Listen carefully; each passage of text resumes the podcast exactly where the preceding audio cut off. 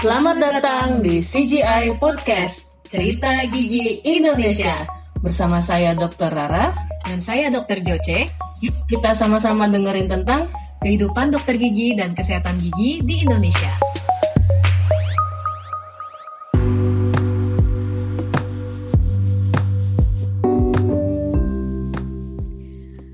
Teman-teman semua, selamat datang kembali di Cerita Gigi Indonesia. Wah, apa kabarnya nih?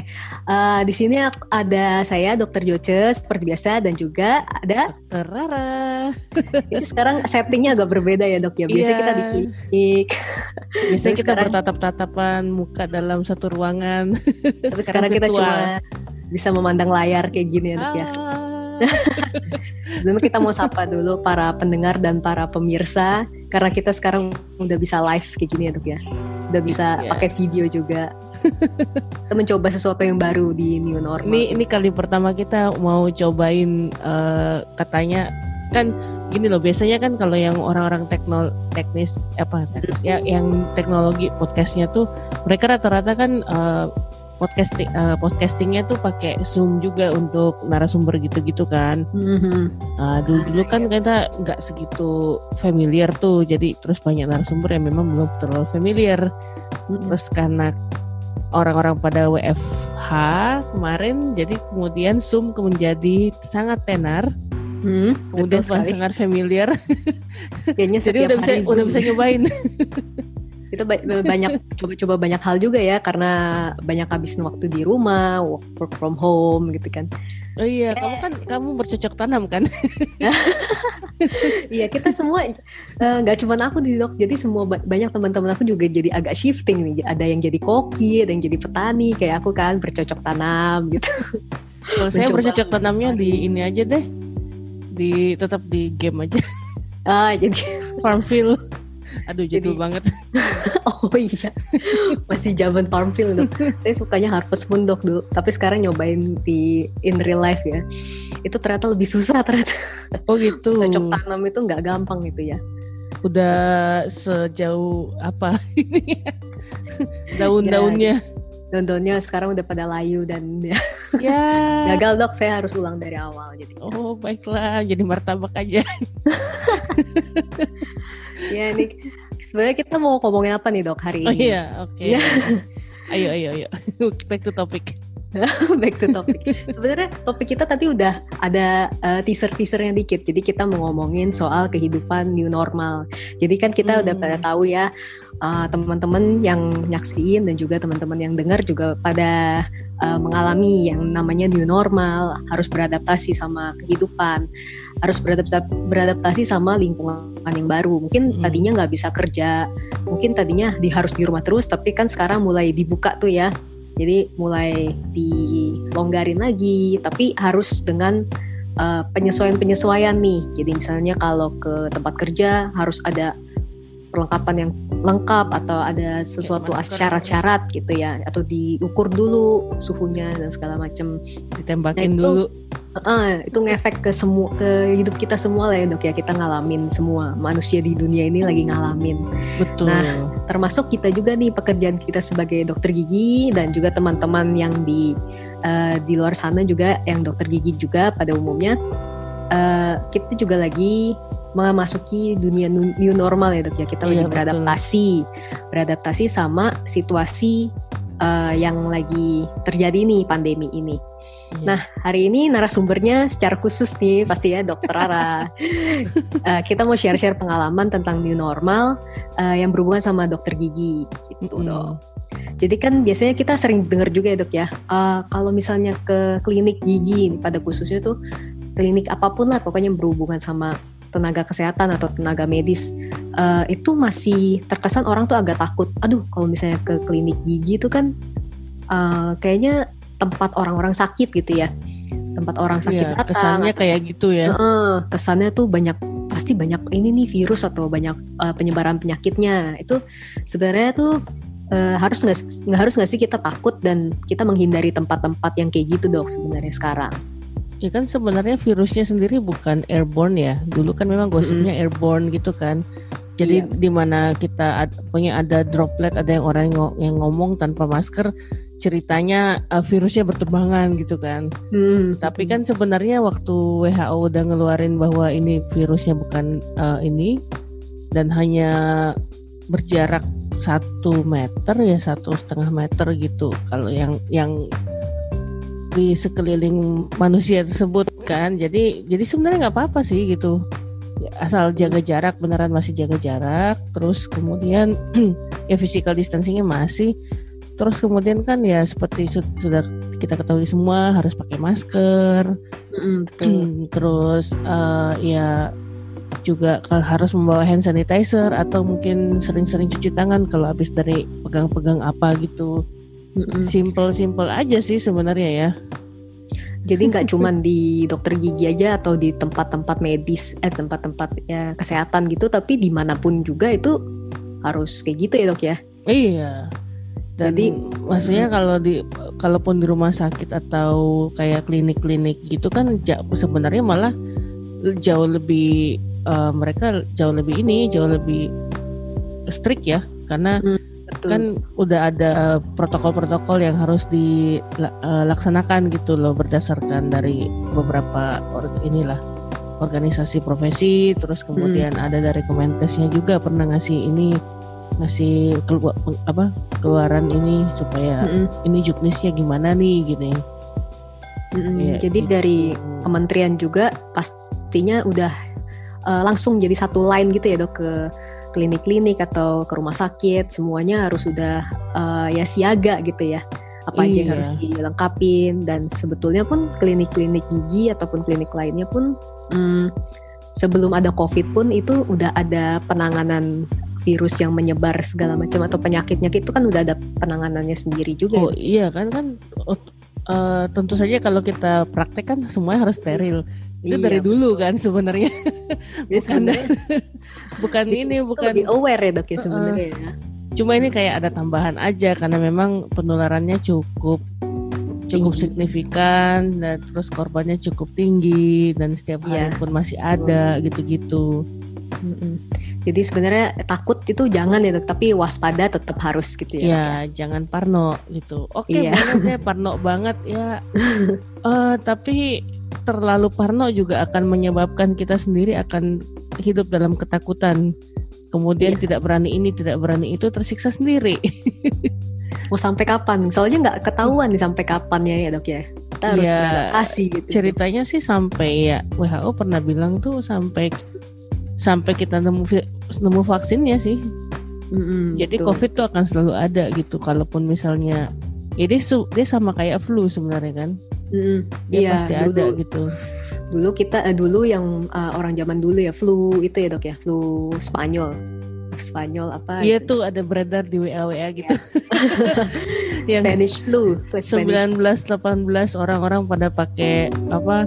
Mereka kan nggak pakai masker. Eh ada sih kayak face shield tapi bentuknya kayak paruh burung gitu. Iya betul. Itu udah jadi ikonik gitu. Ya mungkin ini 2020 ikonnya ya itu hazmat itu dong. Iya aduh please deh ngok. Untung kita nggak perlu pakai hazmat pada saat jalan-jalan ya. Aduh capek deh. Oh iya. Itu jangan ya itu berlebihan ya teman-teman. Nah itu tadi kan dokter bilang uh, klinik-klinik kan uh, pastinya punya prosedur-prosedur tambahan gitu ya dok ya. Sebelumnya pastinya hmm. udah ada prosedur yang berusaha uh, yang menjaga agar tetap steril atau apa. Tapi setelah ada pandemi ini kan jadinya pasti ada yang nambah nih dok hmm. prosedur di klinik gitu ya. Itu uh, kalau boleh sharing mungkin yang dokter tahu gitu. Hmm, cara-cara tambahannya apa aja dok kalau di klinik-klinik atau yang memad klinik yang memadai sekarang itu kayak gimana sih dok? Hmm, yang kalau pandemi berdasarkan si protapnya PDG ini, mm-hmm. jadi kita itu apa klinik gitu sebenarnya harus screening uh, terhadap mm. semua pasien.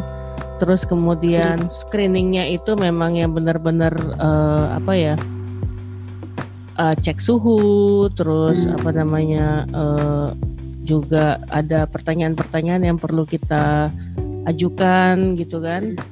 Jadi ada ada form khusus nih yang sudah disediakan oleh uh, eh, PDGI di mana kita akan tanyakan itu ke pasien misalnya seperti uh, riwayat travelingnya gimana Ya, betul. riwayat dia sudah di rumah uh, berapa lama atau pernah kena uh, apa namanya pernah ini juga pernah tes apa enggak gitu pernah terpapar dengan orang yang ada COVID-19 atau macam-macam sih Iya, Uh, jad- terus habis itu uh, juga apa kita harus pakai APD yang lengkap sekali Hmm. pakai untuk tiap pasien tiap pasien Tiap pasien ganti ya dok ya pasti ya, kan ya. tiap hari Jadi nggak sehari sekali ya. nggak harus Tiap pasien ganti. jadi kalau ada pasien lima ya lima kali gantinya lima hasmat Gitu, berarti lima ya. hasmat iya betul. tapi waktu awal-awal bulan Maret tuh masih masih kayak eh, apa ya eh, masih kayak dilema gitu apa level Hmm. 2 apa pakai level 3 aja jadi masih kayak kita sih kayak sempat pakai level 2 dulu gitu sebelum akhirnya memutuskan level 3 gitu kan level 2 level 3 tuh bedanya apa dok? level 2 ah level ah, mulai dari level 1 dulu level 1 itu pakai masker Yang Doang. biasa ya ya. Heeh, pakai masker doang sama sarung tangan Oke. Kalau level 2 itu pakai Hmm. gaun, penutup kepala, eh, masker, sarung tangan, eh, sama face shield atau goggles. Oh, Jadi ya. salah satu sih sebenarnya bukan face shield Mm-mm. dan goggles, tapi face shield Iya. atau goggles. Terus kalau level 3 itu berarti ya lengkap itu masker kayak eh, N95, terus masker Hmm. tiganya double, terus habis itu ada face shield atau goggle dan hazmat. Sarung tangan sudah pasti lah, sarung tangannya malah double lagi gitu. Oh, sarung tangan juga double ya kita ya harusnya. Iya. jadi dalamnya nitril, terus di luarnya pakai latex. Iya, Gitu. jadi udah full protection lah pastinya. Heeh, kita. terus pasien juga yang datang itu nanti kalau pas naik di atas dental unit juga langsung diminta berkumur.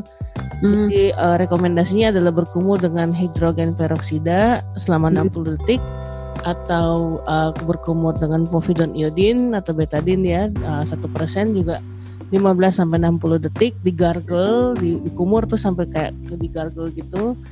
Eh, atau bisa juga pakai chlorhexidine sih sebenarnya. Jadi Hmm, itu kan se- beberapa macam antiseptik dalam bentuk mouthwash ya. Kemudian ya em, tentu saja semua gagang pintu di segala-gala yang dipegang-pegang oleh orang itu itu pasti harus dibersihkan. Disinfektan setiap pasien ya dok ya. Disinfektan setiap pasien. Jadi Hmm. itu bisa pakai eh, kandungannya sebenarnya yang ada biasa di pembersih lantai yang ben benzalkonium klorida 21 Oh. pers 2 persen. Eh, tapi bisa juga pakai alkohol 70% gitu Hmm. kalau misalnya punya stok alkohol. Ya, efektif Jadi pokoknya yang mudah bakteri dan virus ya dok Ah, semuanya betul, dok. betul. Pembersihan alatnya juga harus pakai sodium hipoklorit yang Hmm. 5%. Sodium hipoklorit yang biasa kita kenal dengan NaCl yang Ya. biasa buat perawatan saluran akar juga. Iya, Dan NaCl ya. ada di Baiklin. Pada bingung, ah, baik clean gitu. Iya, tapi dengan perbandingan satu banding 100 Iya, gitu kan. perbandingan Nah, disesuaikan. selama satu menit, kemudian eh, benda-benda yang sudah dipakai juga semua dibersihkan pakai alkohol 70%. Gitu. Mm, Betul. Eh, pasiennya juga nggak boleh numpuk ya dok ya. Jadinya eh, nggak boleh. Jadi dalam satu ruang tunggu gitu itu harus dijarak-jarakin gitu ya dok pasti ya dok ya. Oh iya, tentu, saja kan harus physical distancing kan. Mm-mm. Malah kalau bisa misalnya misalnya nih kalau no- du- dulu normalnya yang dulu Old normal. Old normal. itu Old kalau days. pasien kan kita bisa kayak lima orang lah enam orang sehari gitu-gitu kan. Bisa ngumpul, mereka bisa ngobrol di sana gitu. iya gitu. Bikin komunitas. Komunitas pasien-pasien. Karena udah nggak boleh. sekarang udah nggak boleh. Jadi maksimal itu kalau ini kayaknya tiga deh dalam Hmm. sehari. Ya empat kalau mungkin eh, dokternya juga nggak capek Iya. tapi betul. maksudnya eh, dalam sehari untuk klinik itu biasanya sih maksimal tiga Mm-mm. karena dari dari eh, terima pasien sampai selesai pasien Mm. itu kan juga harus ada selesai, setelah pasien selesai juga ruang perawatannya kan harus dibersihkan dan Mm-mm, itu bisa memakan waktu sekitar let's say setengah jam mungkin untuk ngurus-ngurusin semua-semua itu dan uh, tentu saja kan pasien jadinya kalau misalnya memang harus numpuk jadinya kan ya lama gitu nungguin iya, segala. Jadi kecuali kita biasanya kasih ruangannya juga, banyak ya. iya, ya, kecuali ruangannya banyak. Mm-hmm. Terus uh, ruang tunggu kalau misalnya ruang tunggunya kecil sih ya pastinya itu kita usahakan supaya pasiennya nggak ketemu dengan pasien berikutnya. Jadi biasanya jaraknya kita kasih tiga jam gitu. Oh jadi emang dimaksimalin ya dok ya di, di diperkecil ya jumlah kunjungan pasiennya juga iya. ya. Kayak kalau di klinik itu jadinya um, jam 10 terus jam 1 terus kemudian jam 3 hmm. atau jam 12.30 gitu datang atau oh, terus berikutnya jam 3 hmm. itu itu pasien datang yang harus melakukan dulu kayak screening cek suhu bla bla bla bla bla bla uh, baru habis itu ini uh, diperiksa kemudian bla bla bla kemudian ah banyak deh. Banyak pak jadi pastinya jadi lebih ini ya. Lambat dentistry. Tapi ini semua kan memang harus udah harus dilakukan ya dok ya karena iya. ini yang paling maksimal yang kita mau berikan buat pasien dan supaya juga jaga diri kita dan para perawat dan para dokter giginya dan para staf klinik juga gitu. Iya jadi, benar. Jadi jadi sebenarnya duka aja ya dok ya. Sebenarnya uh, bukan karena jaga kitanya sendiri jaga tapi both ways gitu kan. Hmm, betul betul. Kita juga jaga misalnya pasiennya juga uh, supaya nggak kenapa-kenapa gitu kan. Hmm, tapi pasien tuh sebenarnya nggak pakai APD. Hmm. Tapi uh, pasien disuruh datang pakai masker, juga harus wajib pakai masker gitu-gitu kan. Hmm. Cuma pada saat di ruang perawatan ya tentu saja kita kita ada kan uh, beberapa juga yang kasih APD ke pasiennya. Mm-hmm. Kalau menurut uh, salah satu seminar terakhir itu yang bedah mulut, uh, mereka bilang itu sebenarnya pasien nggak perlu dikasih APD, malah berlebihan menurut mereka. Iya. Okay. Karena uh, sebenarnya pasien tuh perlunya hanya dikasih polybib, terus disuruh berkumur yep. itu, okay. terus uh, apalagi ya udah sih Google goggles gitu kali ya dok ya perlu nggak dok Enggak sih masker sama polip ya? saja masker juga nanti kan dilepas juga mm -hmm. gitu. Cuma di ruang tunggu doang ya dok ya? Iya masker tuh pada dipakai pada saat ini aja. Nah kalau di klinik itu yang pasien disuruh pakai masker, kemudian dia disuruh bawa plastik kosong sebenarnya. Hmm, Jadi di, di mana pasien kalau misalnya plastiknya apa maskernya dia buka, mm -hmm maskernya dibuka terus nanti uh, maskernya ditaruh di plastik Hmm, buat dipakai lagi nantinya ya dok ya? Buat dipakai lagi. Jadi uh -uh. dia bisa simpan masker tersebut, kemudian dimasukin ke plastik. Plastiknya itu dimasukin ke dalam tasnya. Mm -mm. Terus tasnya nanti Terus. ditaruh di tempat khusus, jadi dia nggak bisa pangku tasnya di atas dental unit. Mm-mm, jadi te, pokoknya di dental unit tuh steril gitu ya dok ya? Iya, handphone juga segala macam suruh masukin tas, taruh di uh, tempat khusus gitu. jadi pastinya jadi lebih banyak prosedur ya dok ya? Jadi pasien juga nggak bisa sambil main-main handphone gitu. Oh nggak bisa maaf, mohon maaf ya. Iya. Silahkan. maaf jangan main handphone. Lagi ya dok. Gitu. Aduh. Iya kalau untuk kayak pasti pastinya uh, ada tadi ada APD, ada hazmat dan segala macam. Mm-hmm. Itu kan pasti ada biaya tambahan gitu ya dok ya biasanya ya. Nah mungkin itu yang hmm, ada beberapa pasien yang mungkin agak uh, kaget ya. Oh kok biayanya jadi nambah nih daripada yang biasanya. Itu kan karena uh, ada biaya biaya seperti penambahan APD APD gitu seperti itu ya dok ya. Iya sih mau nggak mau jadinya harus ada biaya tambahan karena kalau misalnya kita yang cover terus menerus APD itu sekarang kan nggak murah ya. Gitu. Uh, ya agak susah ya karena biasanya kan pengeluaran kita yang biasanya tuh paling untuk uh, standarnya adalah ya penggunaan masker, penggunaan sarung tangan gitu-gitu gitu kan. Tapi kan uh, sekarang apalagi APD harus pakai hazmat, harus cari masker N95 hmm. harus tambah face shield harus atau atau goggles ya itu pasti ada penambahan sih gitu maksudnya cuma kita berusaha tekan lah gitu yang Iya. yang semaksimal mungkin kira-kira berapa gitu gitu yang masih bisa eh, masuk akal gitu ya dok ya Iya diusahakan yang masih masuk akal Iya benar.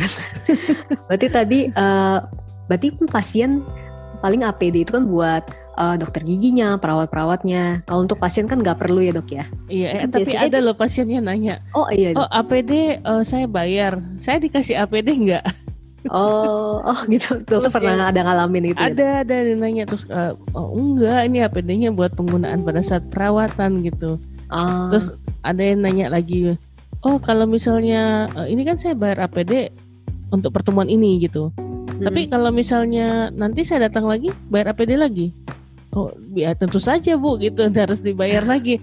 Karena kan karena kan eh, APD-nya tuh diganti diganti, Iya, diganti tiap pasien kan gitu. Terus langsung dibuang gitu-gitu kan. Jadi nggak ya nggak mungkin. Nggak mungkin eh, kita simpanin buat ibu kan. Iya. nggak punya gudang. Oh enggak nanti pasiennya numpuk. APD APD si A B C di mau ditaruh di ya. mana coba nggak steril itu tuh aduh, steril itu lagi steril. malah jadi sumber penyakit nah takutnya ya. iya benar Terus mau nanya dok, eh, pakai APD itu rasanya gimana dok? Ya, aduh ya so ah, ya gitu gimana? deh Coba sharing dong. panas itu ber- berjam-jam ya dok ya. Kalau misalnya satu pasien kan biasanya bisa dua jam, tiga tiga jam, tapi Tergan- tergantung. tergantung ngapain sih Eh, Em, terakhir tuh ya saya belum sempat ngerjain odontektomi sih dengan hazmat Iya. bisa berapa jam gitu ya dok? ya? aduh nggak tahu nggak kebayang karena ini tapi endo pernah gitu kan Mm-mm. terus kemarin juga sempat ada yang dua kali dua apa eh, lakuin dua tambal dua gigi. Lumayan sih sekitar satu jam dua jam gitu. Mm. karena giginya lumayan ini. Jadi eh ya panas. Jadi kita minta kita minta tolong eh AC-nya di ini dong dikencengin dong atau apa gitu 17 derajat gitu. 19 derajat Oh beku-beku deh gak apa-apa terus deh. pasiennya sempat protes ada yang sempat protes eh, Oh, gitu. AC-nya bisa di iniin nggak soalnya kena banget nih dingin banget terus untuk pasien yang kira-kira enak gitu diajak ngobrol saya se- sempat suka bilang oh iya tapi ini sebenarnya AC-nya sangat membantu eh, kami yang menggunakan hazmat ini karena panas banget gitu kan harus dijelaskan supaya kita gitu ya, ya. konsentrasi oh iya ya boleh nggak apa-apa nggak apa-apa tapi kalau ada yang agak bawel gitu akhirnya eh, gini deh eh, solusinya kita kasih pakai duk gimana gitu Iya, oh duk eh, pelapis gitu ya ya. Iya, jadi kayak ya, pakai duk yang biasa dipakai operasi itu, nah Hmm. itu dikasih ini jadi untuk selimutnya ma- mau nggak gitu pakai ini. Ya untungnya ya pasiennya setelah itu mau sih. Oh nggak apa-apa deh. Ya ampun. Oh, kalau dokter sendiri pernah coba itu nggak dok? Pernah coba rapid test atau swab te- swab test ya? Swab test iya pernah kebetulan Pernah ya, Dok, ya? per- iya kebetulan pernah sih. Gitu. Gimana tuh dok rasanya? Jadi se- per- perlu diketahui sih sebenarnya saya nggak memilih rapid test karena itu kan seben, eh, hasilnya bukan untuk ngecek apakah kita ada virus itu apa enggak gitu, tapi Hmm. untuk ngecek eh, imun kita apakah reaktif atau enggak gitu terhadap virus corona tersebut. Duh, jadi saya lupa dia kan minum hore. Mau minum dulu nggak apa-apa loh. Nggak apa-apa nggak apa-apa Eh, anyway tapi jadi ya jadi itu kan sebenarnya agak-agak kurang akurat karena ada sih yang eh, rapid Hmm. terus negatif itu kan harus diulang lagi dua minggu kemudian dirapid lagi terus tahu-tahu positif gitu kan atau Hmm. misalnya ada yang negatif ternyata pada saat swab test juga positif gitu jadi eh, masih kayak rancu gitu hasilnya kalau swab test itu pasti pasti akurat sih karena memang langsung diambil di jaringan yang Ya, di, betul. itu di hidung sama mulut. Jadi Mm-mm. waktu itu akhirnya memutuskan untuk swab test dan sudah lihat-lihat di mana eh, ini kan sana sini ini kayak gimana sih swab test itu dan ternyata saudara-saudara sangat terharu saya. Kenapa terharu dok? Emangnya swab testnya kenapa dok? Jadi kita kan akan diambil dua tempat tuh, uh, orofaring eh, mulut gitu kan, melalui mulut Mm. sama nasofaring melalui hidung.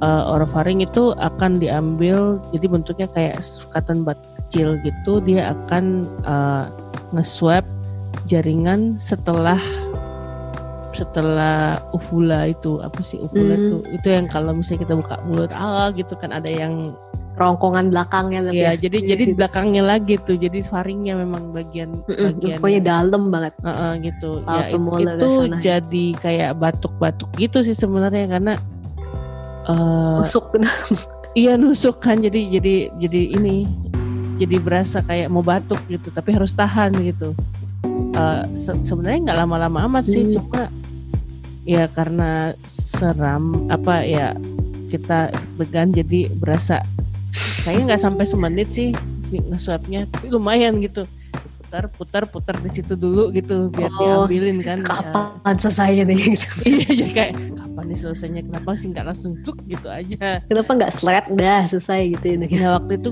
eh, saya agak susah karena suruh lidahnya disuruh relax terus lidahnya kayak keangkat-angkat gitu terus orangnya jadi susah ngelihat gimana gimana Oh di sampai eh, tarik-tarik lidahnya dulu eh, supaya dia nggak ini nah pas Ya, bagian hidungnya Struggle. hidungnya itu kan eh, bukan satu lubang aja kita mempunyai dua lubang kiri kanan dua-duanya juga dimasukin Oh gitu. iya Ya ampun. dan Ini itu tiga, tiga itu tuh, tiga, tiga colok. kali iya tiga kali colok Oke. jadi jadi it. eh, apa namanya yang yang untuk hidung itu sama si mbaknya tuh sebenarnya nggak nggak dikasih lihat sih tapi eh, udah sempat ngecek googling gitu-gitu Hmm. dan kan sewaktu swab test tuh juga sempat kayak moto-moto selfie-selfie tapi kayak yang fast fast foto gitu loh jadi ketahuan Yang quick foto aja ya. ya quick yang ditekan tuk tuk tuk tuk, tuk, langsung gitu kan. Heeh. Ah, itu ketahuan sih. Jadi si eh, alat swabnya tuh kayak sikat WC Oh. yang kecil banget. Bisa masuk ke dalam gitu. Jadi dia agak kasar memang. Ya itu buat buat ngambil Aduh. yang di eh, bagian tenggo apa kerongkong eh kerongkongan tenggorokan ya tenggorokan. Tapi yang dekat sama hidung Hmm. Aduh.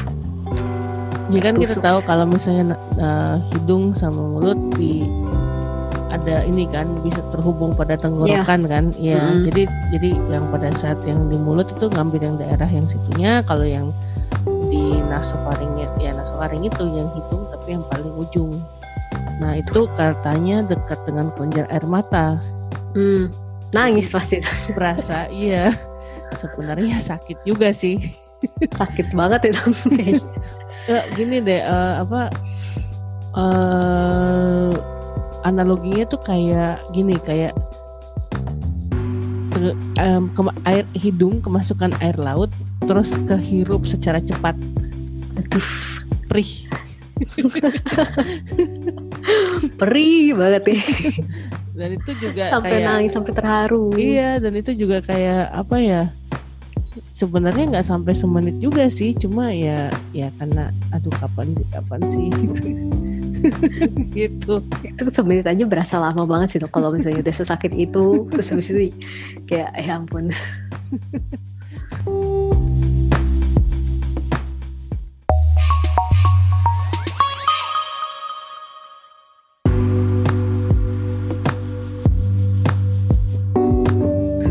Kebayang. Jadi jadi saya bilang maaf ya Mbak saya teriak ah sampai teriak dok. ya habis supaya mengalihkan gitu sih sebenarnya karena daripada ditahan gitu kan ya langsung ah gitu aduh. ya mungkin ada sih yang ini eh, bisa nahan saya lebih cenderung suka eh, mengeluarkan suara saja daripada.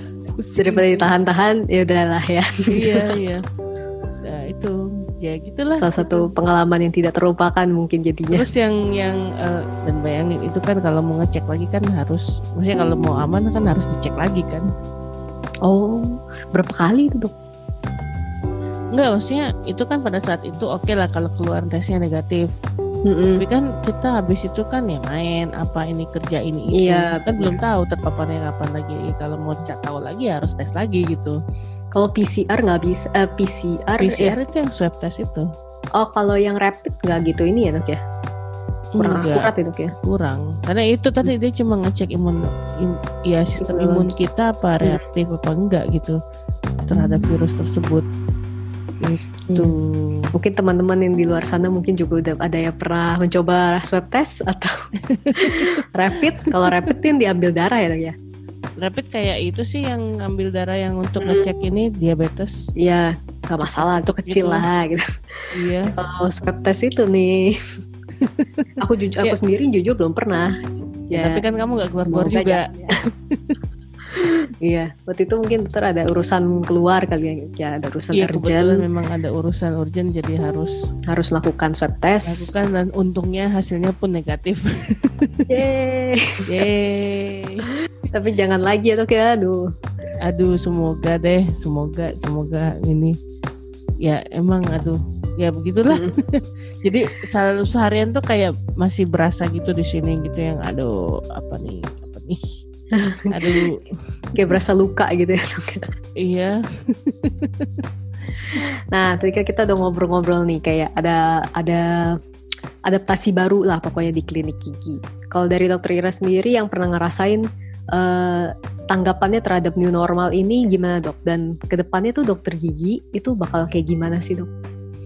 Ini menyangkut Hmm. menyangkut nih masa depan kita nih gawat nih. ya Intinya saya mau nanya masa depan kita gimana nih, dok? ya akhirnya ya harus pakai hazmat Harus ya terus adaptasi. menerus Betul. harus adaptasi walaupun kadang-kadang ada ada saatnya tuh di mana kayak eh, kalau ada pasien nih habis itu mau habis itu makan segala macam kan makan siang. Mm, terus ada pasien lagi gitu kan. Eh, pasien kan oh ya pasien tuh by appointment karena kita nggak bisa ngatur kalau misalnya pasiennya eh, dibiarin tiba-tiba datang. Ya tiba-tiba datang. tiba-tiba datang itu kita pasti akan tolak karena kita butuh untuk eh, mengatur semua semuanya kan.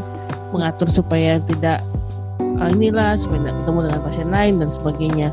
Eh, nah ya harus ini sih ada ada saatnya tuh di mana yang "Hah, pakai lagi hazmatnya gitu loh dan Hmm. akhirnya tuh kan biasanya kita tuh pakai jas dokter kita pakai scrub gitu kan Eh kalau saya jadinya cenderung pakai baju olahraga di dalamnya Oh, ya. supaya jadinya yang tipis aja gitu ya dok ya. Iya. panas. Iya soalnya supaya daripada kan kalau misalnya kita pakai scrub pun itu eh, bahannya lumayan tebel. Mm-mm. Eh, jadi saya cenderung pakai baju olahraga di bawah pakai legging Udah santai banget pokoknya. seaman Santai amannya lah. gitu Iya, iya supaya supaya kitanya juga nggak kayak aduh kok susah gerak gini gitu gitu pakai baju agak tebalan sedikit pasti ya memang rada rada susah sih geraknya Iya. Jadi kayak sauna dok di dalam kayaknya. iya iya iya sauna Eh, dan itu kan eh, apa namanya macem-macem ya ininya Eh, bahan dari hazmatnya itu gitu Eh, dan sesuai dengan harga sesuai budget gitu kan. Ada yang murah tapi ternyata itu bisa bikin berkeringat misalnya. Oh. bahan PVC eh, kayak jas semacam semacam bahan jas hujan. Mm. nah itu kuncinya kalau yang dapat yang hazmat kayak gitu harus pakai lengan panjang dengan celana panjang.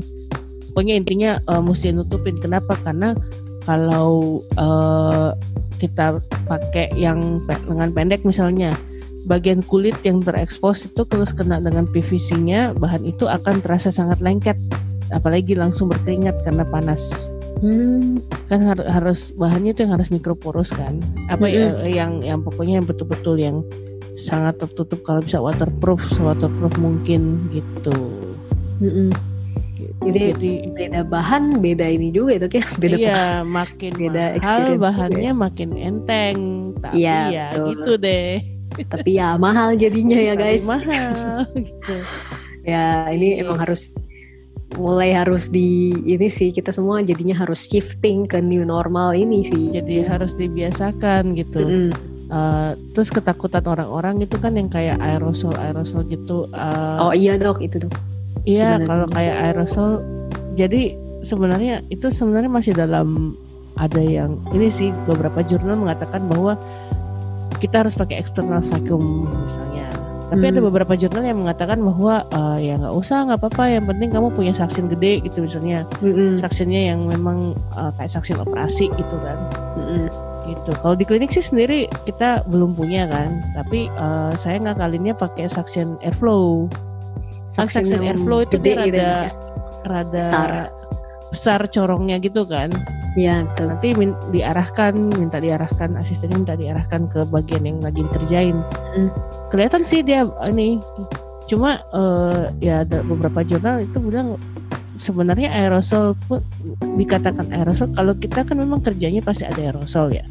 Tapi uh, misalnya pasien tersebut misalnya OTG atau uh, ada COVID-nya pun uh, itu masih seberapa 90-an persen air sih daripada ludahnya si pasien sendiri gitu.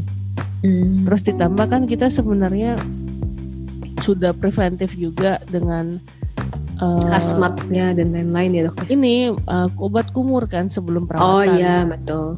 Uh, sebelum obat perawatan dan setelah perawatan kita kasih obat kumur itu juga gitu. Mm-mm, itu yang sangat-sangat membantu juga pasti. Betul. Untuk mengurangi ya. Terus di di klinik pun kita uh, bagian yang kayak bur atau scaler atau sem sebenarnya segala permukaan yang disentuh sama yang mungkin akan kena gitu kan mm-hmm. kita wrapping sama plastik plastik wrap jadi kalau sudah selesai uh, plastik wrapnya itu akan dibuka kemudian dibersihkan dialkoholin dan segala macam barang-barangnya apa semua kemudian di wrapping lagi lalu didisinfektan lagi lalu di sinar UV lagi Hmm, pakai sinar UV juga ya jadinya ya. Iya iya kita. Dan lengkap UV. tambah lengkap dah semua. Jadi kita. jadi itu sudah ya segala macam preventif. Nah, komunikasi kita harus yang penting komunikasikan ini ke pasien supaya pasien tuh nggak merasa masih merasa um, aduh masuk ke dokter gigi tuh uh, resikonya tinggi. Mm-mm, juga tuh. sih karena kan ya itu balik lagi uh, virus kan nggak terbang ke mana-mana gitu. iya, karena masih banyak orang pasti yang mikir virus tuh ada di udara sekitar kita ini gitu. Uh-uh terus ada sih pasien yang bertanya gitu uh, ragu kan sebenarnya juga karena itu. Terus uh, ketika saya jelaskan enggak ini kita semua diganti terus kita uh, habis perawatan semua ini dibersihkan gini-gini uh, APD-nya juga yang sekali pakai gitu kan habis itu buang gitu. Jadi ini tiap pasien. Oh tiap pasien? Kirain seharian.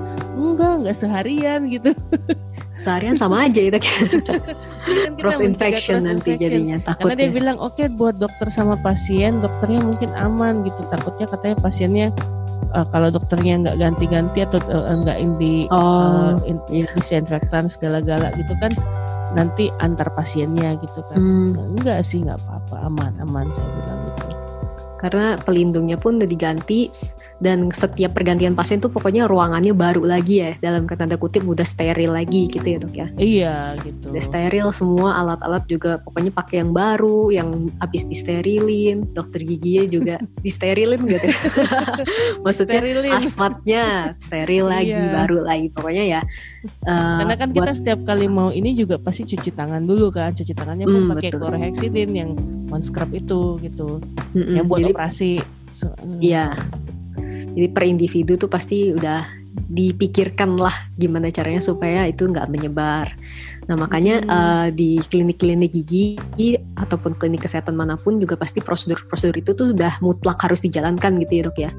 ya itu untuk, udah untuk perintah. Sekarang ini tuh. sudah ya mau nggak mau gitu. hmm. gitu. Kalau misalnya nggak nggak mampu ya uh, harus berusaha sih supaya kita hmm. masih bisa melayani pasien dan kita juga masih bisa berkarir.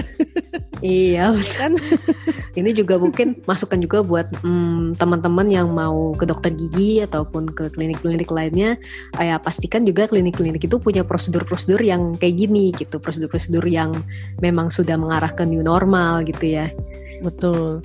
Hmm, memang waktu misalnya, waktu Maret kemarin itu sampai April ada mm -hmm. uh, pengumuman bahwa kita uh, jangan menerima selain emergency gitu kan karena waktu oh, itu kan masih emergency, masih tinggi tingginya ya. juga kan hmm, dan uh, apa uh, organisasi profesi dan Kemenkes pun memang lagi mengkaji juga ini sih gimana sih supaya bisa tetap beroperasi misalnya kan. Mm-mm. Jadi peng- untuk pengumuman sementara adalah ya kalau misalnya tidak ada emergency, misalnya kayak eh, giginya bengkak banget, sakit banget, berdarah, apa berdarah terus menerus itu di- bisa ditunda gitu. Hmm. Ya eh, kita juga dikasih daftar sejumlah daftar gitu kan, eh, apa yang harus dilakukan, apa yang harus dihindari, sekali mungkin jangan dulu gitu-gitu kan. Nah sekarang kalau udah new normal sih karena karena semua segala macam sudah uh, ada protapnya, semua Mm-mm. juga kita harus ikuti. Ya mau nggak mau jadinya terbuka untuk beberapa beberapa uh, beberapa perawatan yang tadinya Iya. nggak boleh, jadinya ya udah kita lakukan semua gitu. Sudah dibuka lagi, udah dilonggarin lagi juga, tapi tetap dengan eh ini ya dok ya prosedur-prosedur yang Tetap Pokoknya udah prosedur itu gitu. safety level 3 gitu ya dok. Betul. Ngomong-ngomong nih dok, tadi aku lagi ngobrol terus aku liatin kucing dokter di belakang. ah mana? Astaga. Ngomong-ngomong selain Itu namanya bubu. bubu, Kena abu-abu. selain lagi eh, eh, apa selain praktek berarti di rumah main sama bubu ya dok ya? Ya, ya, bu, eh, main sama bubu dan saudara-saudaranya. Ya, apa aja dok kegiatannya dok selain praktek kalau misalnya lagi WFH gini dok? Jadi waktu awal-awal tuh sampai iseng-iseng ya merajut Wow, ini, Menemukan hobi baru nggak jelas. Ya merajut sih sebenarnya beberapa kali sih. Maksudnya itu kadang-kadang memang saya lakukan gitu, tapi tidak sesering yang kayak kemarin waktu awal-awal gitu. Hmm, Terus tentu saja Netflixan, nonton itu film, pasti. nonton film Pokoknya- seharian sampai mabok. Yang paling ekstrim adalah makan. wah makan tuh udah kayak heaven nih. Jangan di- Makan Netflix, makan Netflix tidur. jangan ditanya berapa kilo naiknya. Aku nggak nanya kok dok. Itu nanti aja kita ngobrol-ngobrol di section berikutnya. ya jadi teman-teman eh, kalau misalnya yang lagi work from home, work from home juga hobi itu penting ya teman-teman. Ya. Ya kayak kamu kan. Terbukti nih. Aku ngapain ya hobi ya? Paling ya nonton Netflix juga iya. Eh, coba-coba bertani tapi ya gagal. Tapi dari kegagalan mungkin nanti akan berhasil ya siapa tahu. Nanti saya jadi tukang sayur ya. berapa serial drama Korea yang sudah kamu habiskan selama ini? Waduh. Selama ini, selama ini berarti dari lahir. Selama ini tuh maksudnya selama selama masa pandemi awal mulai dari WFH ini. Ayo. Aduh, pandemi itu, aduh, Udah tiga bulan loh dari Maret. saya sih nggak nggak banyak banyak banget sih dok. Kalau drama Korea paling tiga atau empat lah. Oh kirain karena belajar bahasa Korea jadi. Belajar bahasa Korea tetap, malah sekarang biasanya kan kita kelas gitu ya dok. Mm-mm. Tapi sekarang jadinya kelasnya harus online kayak gini. Oh. Jadi benar-benar kita ya kalau ditanya ya jawab pakai bahasa Korea gitu. Kalau misalnya nanti ujian pun juga online gitu. Saya juga nggak tahu gimana. eh, Jadinya lisan hasilnya gitu. gitu. nanti pakai PPT kan thanks to Oh pakai Zoom PPT ya. gitu. Iya, thanks to Zoom jadi semuanya lebih possible lah sekarang. Cuman ya itu harus disesu- menyesuaikan sama keadaan juga lah. Takutnya tiba-tiba lagi ujian internet mati. Nah itu aku sering tuh. Ya itu masalah juga itu. iya, untung kita podcast ini kita nggak mati ya internet itu. Oh, jangan di jangan ngomongin nanti. Oh iya iya, iya. Amit amit tiba-tiba tahu-tahu denger langsung bluk. Tidak recordnya. ya salah satunya kita juga mencoba eh, untuk podcast membawakan podcast ini lagi via eh, nanti via online via video juga ya dok ya kita nanti ada Iya, jadi lagi nyobain mau uh, Mm-mm. naruh di YouTube juga gitu. ya buat teman-teman nanti follow ya jangan lupa bentukan- subscribe Bentukan kita pada saat ngomong gimana. Iya. mungkin ada yang penasaran nih ini orang suaranya kayak gimana ya ya pede banget ya kita sekarang udah bisa ngomong dok jangan lupa subscribe ya aduh Oh iya bener. Eh, tanda lonceng tanda lonceng dinyalain jangan lupa Nyalain tanda subscribe loncengnya ya gitu. Jangan lupa komen di bawah hmm, topik apa yang mau kalian denger Cie. Walaupun audio aud, eh, di Spotify tetap aja audio yang akan kedengaran di kalian. Iya. Tapi di ininya di YouTube-nya akan kelihatan. Rupa-rupa wajah kita kalau lagi ngomong. ya gitu Itu seperti apa? Dan backgroundnya seperti apa ya? Ada kucing ada apa ya? Oh iya itu ada topi One Piece juga. Ya. ada hobi Totoro. dokter Ira. Hobi dokter Ira lebih Jepang. Kalau aku lebih ke Korea. Tapi Iya, kita bener. ini ya berduet bersama. Mantap. Cuma sayangnya bahasa Jepang saya sudah longgar. Ah, enggak, alias Dokter Ira itu- tidak tahu. banyak pasien Jepang ya. Jangan jangan salah teman-teman. Banyak pasien internasional ya loh kebetulan kebetulan. Itu kalau tanya obat pakai bahasa Jepang semua tuh antibiotiknya enggak enggak enak lah ya. bahasa bahasa Inggris. Tapi kan Bahasa kalau Inggris. orang Jepang berbahasa Inggris kebetulan ya karena sudah ngerti ininya logatnya jadi ngerti. Karena orang Jepang kalau bahasa Inggris kan kadang-kadang suka yang ya ya agak susah dimengerti kan. Hmm, saya ya, ingat ada si eh, aksen. apa perawat kita si Rahman menerima telepon terus bahasa Inggris dia bilang iya ini bahasa Inggris dok tapi saya nggak ngerti karena aksennya aksen, aksen Jepang, gitu. Jepang oh iya, oh iya. iya memang kayak gitu agak susah soalnya sebenarnya dia ngomong bahasa Inggris tapi mendok Jepang Medok ke Jepang. ya, jadi itulah kita mulai untuk coba ke YouTube dan mungkin teman-teman juga bisa cek YouTube-nya nanti subscribe dan lihat episode-episode selanjutnya dok ya. Karena kita Semoga juga rencananya niatnya lo oh loh sedih. Karena kita juga rencananya eh, nggak cuma mau berdua doang gitu dok nanti ya. Kita mau ramein nih YouTube-nya. Ya iya thanks to Zoom juga sih kan maksudnya Mm. eh, bisa lebih worldwide gitu ininya. Eh, apa nyari narasumber gitu-gitu Mm-mm. gitu tidak terlekang oleh ya Jarak. eh, jarak Aduh, jarak waktu, Ya. apaan Nah ini muntah-muntah nih Nggak nanti. Pokoknya Ntar- nanti ntar ada ikon eh, gitu Pokoknya yang bertugas nanti edit nanti pasti yang lucu-lucu dokter Ira lah. nanti eh, kita mau ada eh, undang beberapa narasumber ya dok ya, narasumber ataupun teman ngobrol yang, yang mau sharing juga, Hmm. entah itu dari em, dari tokoh kesehatan atau dokter gigi juga atau yang non dokter gigi yang punya cerita-cerita yang menarik yang mau kita Iya. kulik. Ya, ya. Iya, macam-macam sih. Pastinya sih tetap gak jauh-jauh dari gigi, tapi bisa kita belokin lah gitu. Gak cuman gigi tapi gigi dan sekitarnya. Ada banyak Betul, cerita. Makanya namanya betul. cerita gigi. Asik. Oke deh. Jadi ini uh, podcast kita udah sampai di sini.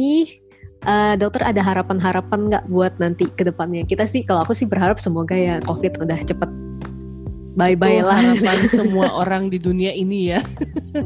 ada Eh, pesan-pesan atau closing statement nggak dok? Cie? Cie, untuk sesi. Mantap sesi kita. statement. Paling ya berharap sih pasien-pasien yang kita screening itu bisa Mhm. jujur gitu kan karena Betul. susah banget. Eh, kalau saya rasa sih kalau misalnya yang beneran udah kena covid banget ya mereka udah nggak mikir lagi sih mau ke dokter gigi karena kan udah Hmm. sakit banget gitu. Tapi yang bahaya kan OTG nih soalnya Hmm, gitu jadi ya kita harapin sih bisa jujur kalau memang terpernah pernah ini sama orang yang ada covid juga harus ngomong gitu betul betul. atau mungkin pernah rapid test terus kemudian positif gitu tuh ya dimohon untuk dikasih tahu aja gitu Mm-mm. Jadi eh, dengan kita jujur, pasiennya jujur dan eh, kooperatif gitu ya, mau bekerja sama sama prosedur yang sudah ada, pastinya jadi itu menjamin keamanan kita semua ya dok ya, keamanan iya pasien, betul dokter, pokoknya Betul. semua kliniknya dan keluarga dan orang-orang lebih banyak lagi di luar sana. Amin. iya ya dan kita juga ya saat ini kesabaran kita semua sedang diuji kan Betul betul. jadi bersabar aja kalau misalnya di pasien jadi pasien di uh, klinik dokter gigi juga bersabar aja dengan segala prosedur harus dilaksanakan. Eh, Iya, buat dokter giginya juga bersabar aja. Buat teman-teman di luar sana juga bersabarlah. bersabarlah gitu harus pakai hazmat setiap kali ini. Harus Mm-mm. melakukan uh, banyak uh, tetek bengek yang harus kita selesaikan Iya, tapi ya semua ini demi keselamatan kita semua, demi keberlangsungan hidup kita semua. Ya pokoknya Wow. semua yang positif ya. ya gitulah Banyak-banyak meditasi ya guys, biar tapi jangan Tenang. parno ya oh ya betul. Takut Tanpa gak boleh, waspada, waspada boleh. Iya, waspada iya. boleh waspada boleh takut jangan kalau waspada kan berarti kan kita uh, ada udah ada mikir nih oh kita harus menambahkan ini harus melakukan ini cuci tangan dan segala macamnya itu hmm. tapi nggak boleh parno ya guys ya. Kalau iya. parno artinya ya kita nggak jalan-jalan stay aja nih terus kalah, kalah si covid. Hmm, karena si covidnya ini juga nggak tahu sampai kapan gitu kan. Betul betul. Iya. Gitu. oke deh. Nah kita kira-kira mau ngomongin apa nih dok? Di next episode CL jadi ini ada beberapa opsi. Ada beberapa kita sih ada beberapa udah mikirin untuk ya tema-tema yeah. apa nih mungkin ada yang masih berhubungan sama covid atau yang nggak berhubungan juga kadang-kadang itu bisa kita bahas juga gitu hmm. jadi teman-teman kita berencana untuk ya. manggil ada ada teman sejawat yang eh, teman sejawat yang memang hobi olahraga di rumahnya selama PSBB kemarin ya. Tapi masih oh. on confirmation gitu. Karena uh, dokternya lagi mau nanya dulu istrinya nih bisa join bareng apa enggak gitu. Oh gitu. Wow. Atau uh, ini dokter gigi juga ya dok ya berarti ya? Iya. Teaser ya teaser. Kita tidak usah sebut dulu namanya. Dokter gigi tapi punya hobi yang mungkin menarik gitu ya dok ya cukup menarik sih. Karena cukup suami menarik. istri mereka tuh punya apa uh, hobi yang sama dan uh, olahraganya cukup ekstrim soalnya. Oh gitu. Jadi kita akan bahas lebih ke ini nih olahraga nantinya. Olahraga. Ya ini sih ya secara keseluruhan lah dengan dianya dengan gimana mm uh, apa su supaya lebih produktif gitu misalnya dibanding mm -hmm nggak stres jadi dokter gigi terus kan gitu. Mungkin iya, harus jadi, apa gitu supaya dia tetap waras jet tetap waras. Jadi dokter gigi itu harus punya uh, hobi juga mungkin kegiatan-kegiatan yang lain di luar biar nggak stres ya guys ya. Apalagi di saat-saat masa-masa pandemik seperti ini. Baiklah. Mungkin kalau dokter Ira kan main sama kucing gitu kan. Eh. ya aku main. mana Udah tidur dia. Ya tidur dia Oke deh teman-teman kalau gitu ini udah malam. Biasanya kita syutingnya cila syuting. Kita syutingnya biasa pagi-pagi eh siang-siang biasanya sore ya. Iya karena di klinik kan. Hmm, kita jadi podcast malam sejak saat ini. Tapi nggak apa-apa. Kita mau shout out dulu balik lagi akhirnya kita shout out lagi ya dok ya. Ke Instagram kita @ceritagigi.id boleh di follow karena kita juga uh, bakal banyak konten-konten yang menarik yang baru ya dok ya selama PSBB Ci. Dan ada logo baru. Oh. ada interface baru eh interface mah. Interface. logo ada baru logo, logo baru. Jadi jadi bentukannya nggak cuma itu itu doang gitu. Ya, ada ya, logo ada, baru. Ada, logo ada baru. channel baru. ada channel YouTube baru. Ada channel baru. Please show the love ya guys, ya gini. Terus buat uh, shout out juga buat IG-nya Dokter Ira. Apa dok? Boleh sebutin? Etrara 79 Etrara 79 dan saya at Jocelyn Sintano bisa dilihat di kolom komen enggak ya? di itu. Ya, kalau yang Spotify nggak bisa lihat dong. oh iya, oh iya bener. saya lupa nih. Ya udah at Jocelyn Sintano J O C E L I N S I N T H N O gitu. Dan uh, buat teman-teman yang nanti mau kasih saran atau mau nanggepin nih tentang topik kita kali ini itu bisa komen juga mau komen di mana pun boleh di Instagram boleh nanti di uh, YouTube juga boleh nanti kita akan shout out kita akan bacain komen kalian juga kalau misalnya ada yang mau nanya juga nanti kita akan hmm. question and answer gitu ya dok ya pasti di setiap sesi gitu. oke okay deh oke deh kalau gitu kita sudah sampai di sini aja Uh, saya Dokter Joce dan saya Dokter Rara. Mohon undur diri, Cia. Mohon undur diri. Oke, iya. Terima sampai kasih sudah mendengarkan dan sampai kasih. jumpa. Sampai jumpa di podcast selanjutnya.